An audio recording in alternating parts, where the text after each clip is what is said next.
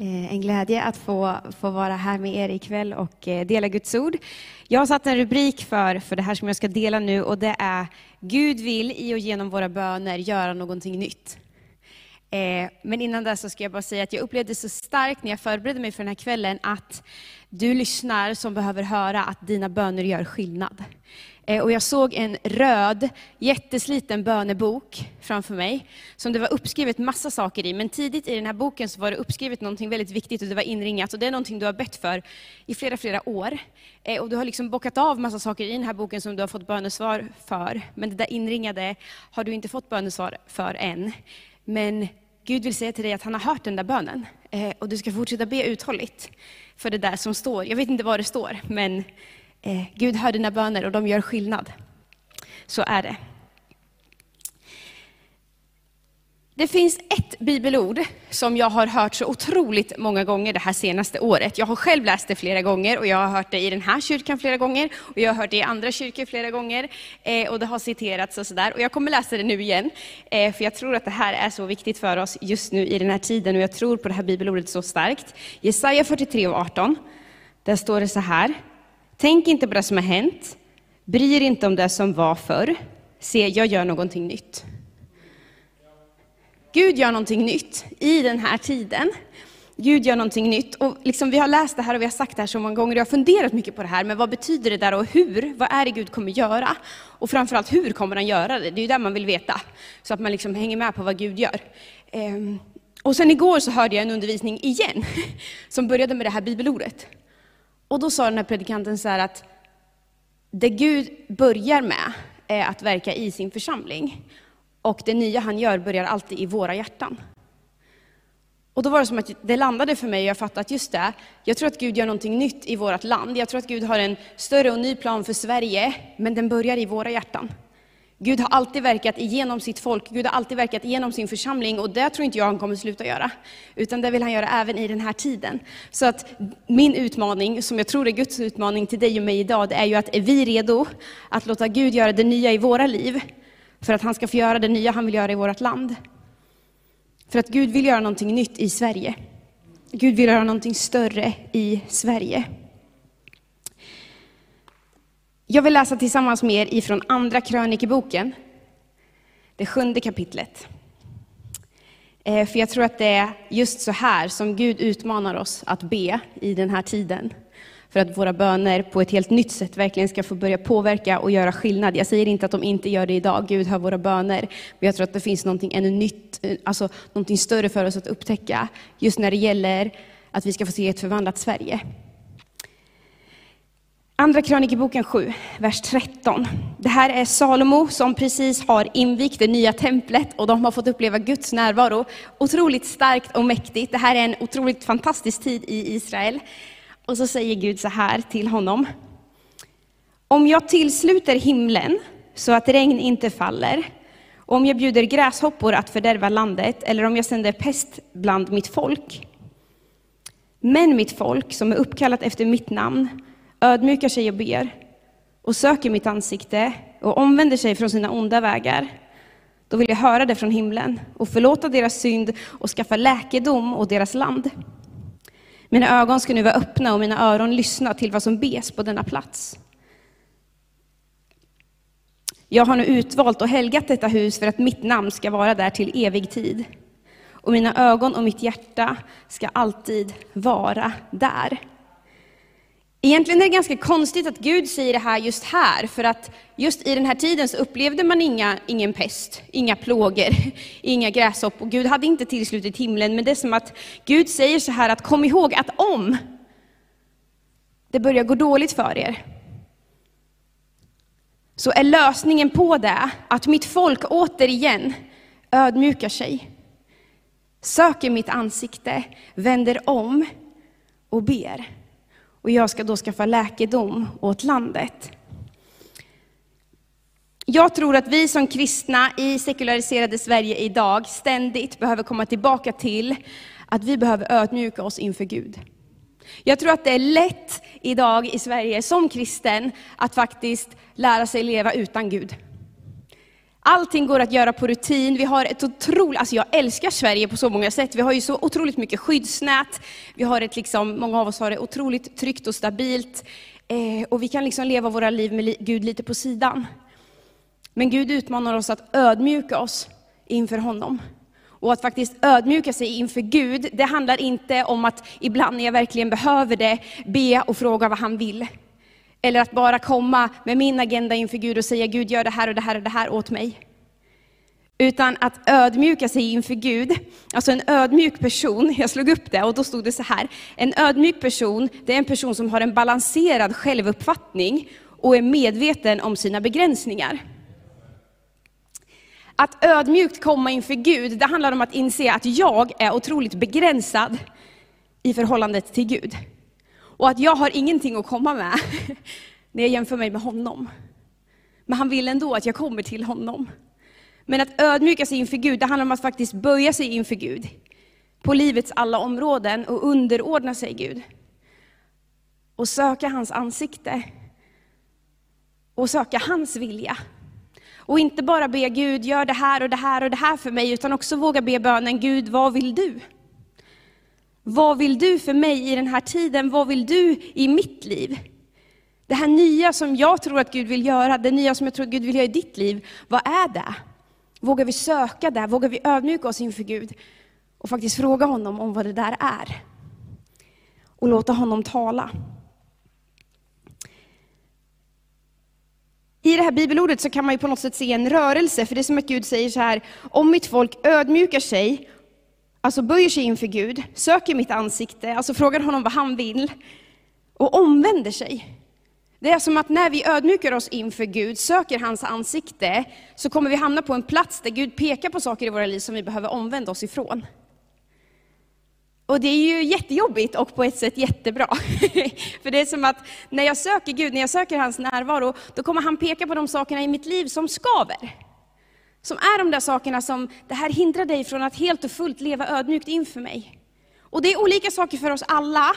Jag kommer inte peka ut vad det är i ditt liv, utan det kommer Gud visa dig när du ödmjukt söker honom. Och han gör det när jag ödmjukt söker honom också. Och då är det alltid ett lite sådär kanske jobbigt ögonblick när man bara, ja just det, den där grejen.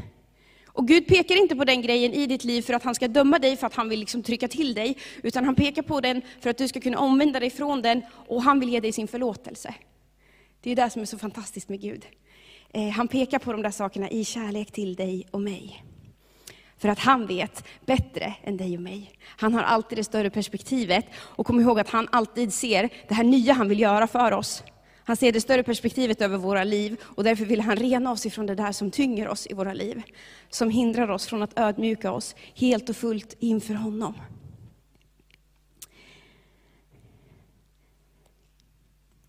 Men det vi läste här var ju att Gud själv sa så här, att om mitt folk söker mitt ansikte, omvänder sig från sina onda vägar, då vill jag höra dem från himlen, förlåta deras synd, och nu kommer det, och skaffa läkedom åt deras land. Jag tror att Gud vill skaffa läkedom åt vårt land. Jag tror att Sverige lider på så många sätt. Alltså Sverige är ett fantastiskt land. Jag älskar Sverige, jag älskar en massa andra länder också, men jag älskar Sverige jättemycket. Eh, det gör jag. Eh, men det är så många saker som har blivit så skevt i vårt land. Det är så många områden där det bara har blivit så tokigt där Sverige lider något enormt, där jag tror att Gud vill visa sin makt, sitt majestät. Och jag tror att han vill använda dig och mig för att förvandla de här områdena. Och jag tror att det kan ske när du och jag på nytt ödmjukar oss inför Gud, böjer våra knän och säger Gud, hela vårt land. Vet ni att 20 % av alla barn som växer upp i Sverige idag har på ett eller annat sätt en missbrukande förälder. Det var femte barn. Förra året så begick 1300 personer självmord. Och det är den vanligaste döds, dödsorsaken bland unga män i Sverige idag. Hälften av alla niondeklassare uppger att de antingen har blivit utsatta för ett brott eller själva deltagit i ett brott.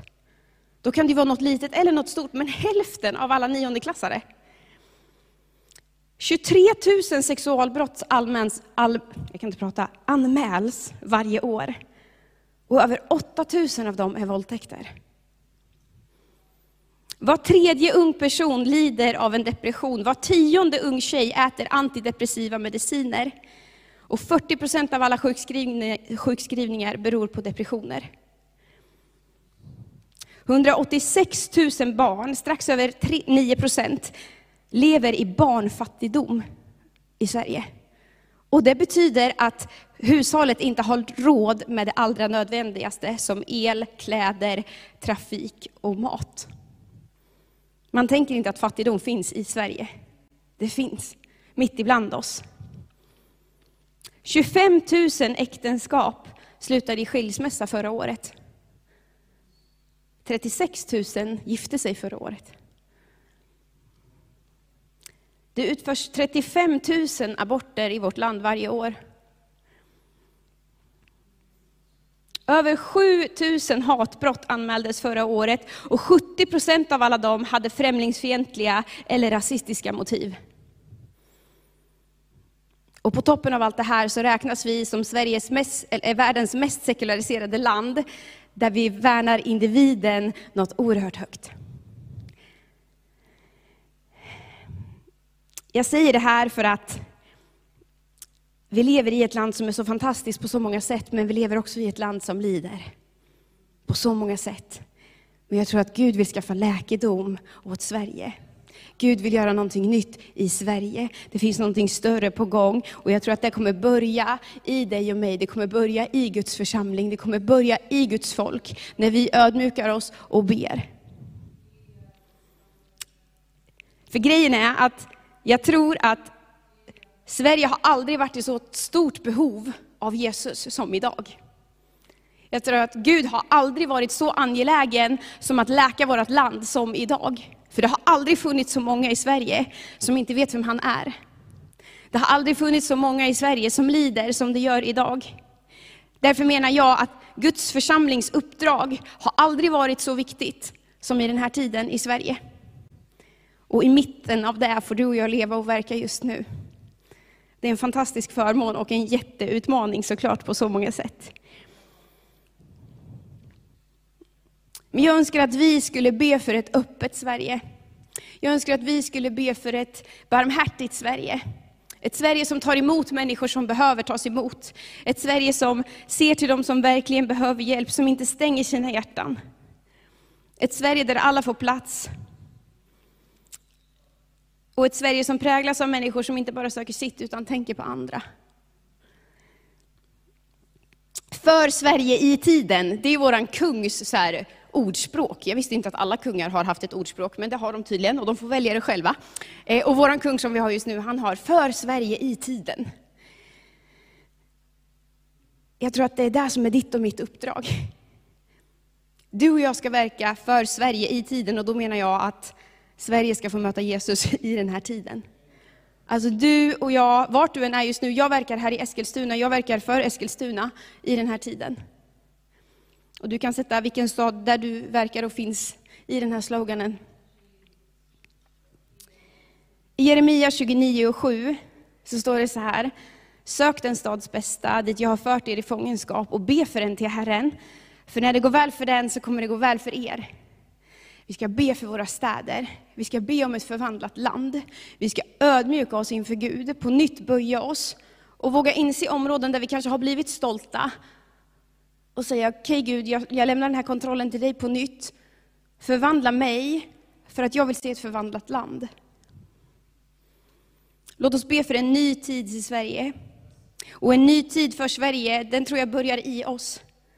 Det här som jag började läsa i början, se, jag gör no någonting nytt som Gud talar om i Jesaja 43. Det börjar i våra hjärtan. Jag tror inte det börjar utanför någonstans, utan det börjar i, i varje villigt hjärta som vill tjäna Gud ödmjukt. Som vågar lägga ner hela sitt liv för Gud och säga, Gud gör vad du vill i mig. Det är där det nya kommer börja. Det börjar med att du och jag böjer oss på nytt och ropar till honom för våra egna liv, för vår stad och för vårt land. För grejen är att många av de här problemen som jag radade upp förut, alla de här hemska siffrorna, jag tror att Guds församling, Guds folk kan få vara praktexemplet på att det faktiskt går att leva på ett annat sätt.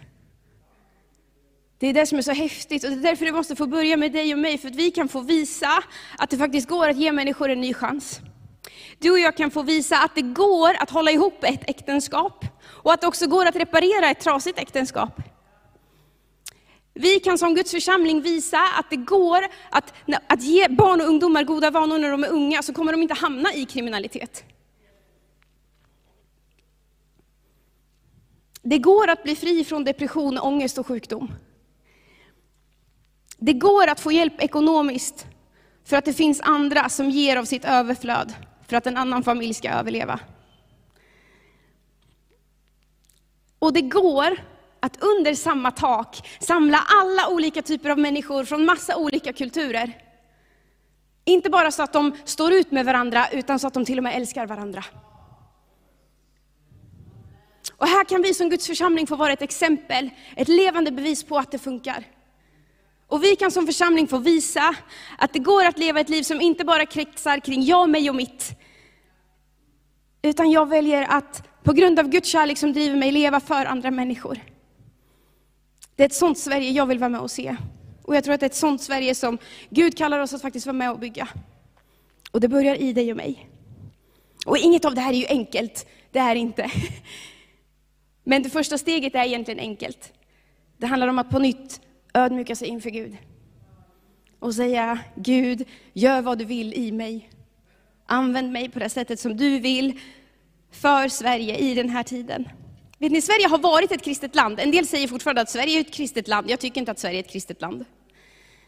Men jag tror att Sverige kan bli ett kristet land. Och ibland när man pratar om det så, så märker man att människor tycker att man är knäpp. Som säger, ja, jo, det kan du få tro, typ. Jag tror det. Jag tror att det största som ska hända i Sverige har fortfarande inte hänt. Jag tror att vi på, på, på, nytt ska få se församlingar växa, församlingar börja brinna på ett sätt som de aldrig har gjort förut. Jag tror att vi ska få se människor som har varit med i våra församlingar, som människor har bett för under årtionden, de ska komma tillbaka. För att bönen gör skillnad. Det är så många, de här bönebarnen, som jag har fått höra talas om sedan jag, sedan jag var liten. De ska komma tillbaka. Det bästa ligger framför för Sverige. Sverige ska bli ett kristet land igen. För några år sedan så kom det en låt som Hope for this nation skrev som hette Vårt land ska bli helig mark. Fantastisk sång. Där man bara proklamerar att med Gud är det möjligt. Att Sverige på nytt ska bli, ett helig, alltså ska bli helig mark. För att Guds rike ska få ta plats mer och mer i och genom oss. Så min utmaning till dig är ju att ödmjuka dig där du är. Kanske finns det områden i ditt liv där du har tagit för mycket kontroll och vågar, in, vågar inte riktigt släppa kontrollen till Gud. Gör det på nytt. Ödmjuka dig. Omvänd dig om du behöver. För att då följer ju ett fantastiskt löfte, för då säger Gud själv att mina ögon ska vara öppna och mina öron lyssna till vad som bes på denna plats.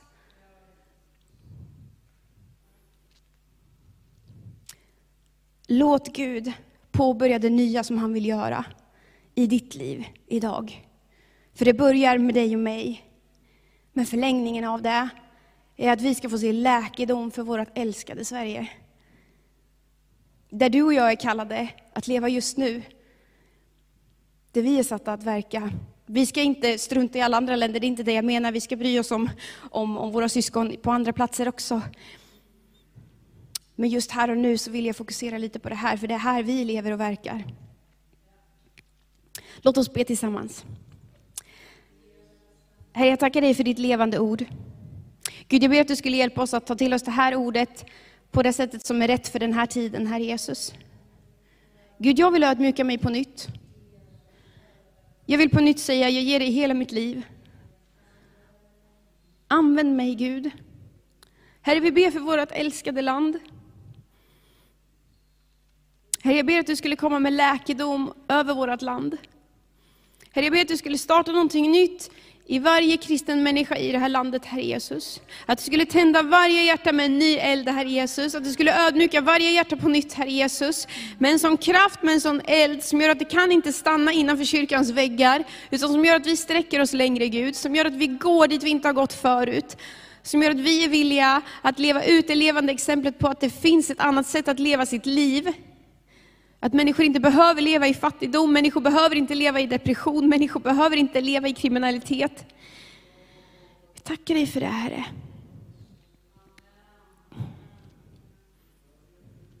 Herre, tack att du talar till, till var och en som lyssnar just nu. Gud, jag ber att du skulle, men lägg liksom din, ditt himmelska pussel i allt det här, Herre Jesus. Jag ber att du skulle tala till oss var och en om vad vill du göra i våra liv just nu? Vad är det nya för oss var och en? Du har någonting nytt för varje individ, Herre Jesus. Och jag ber att du skulle tala om det just nu. Vi ber om det, Herre, i ditt heliga namn så ber vi. Amen.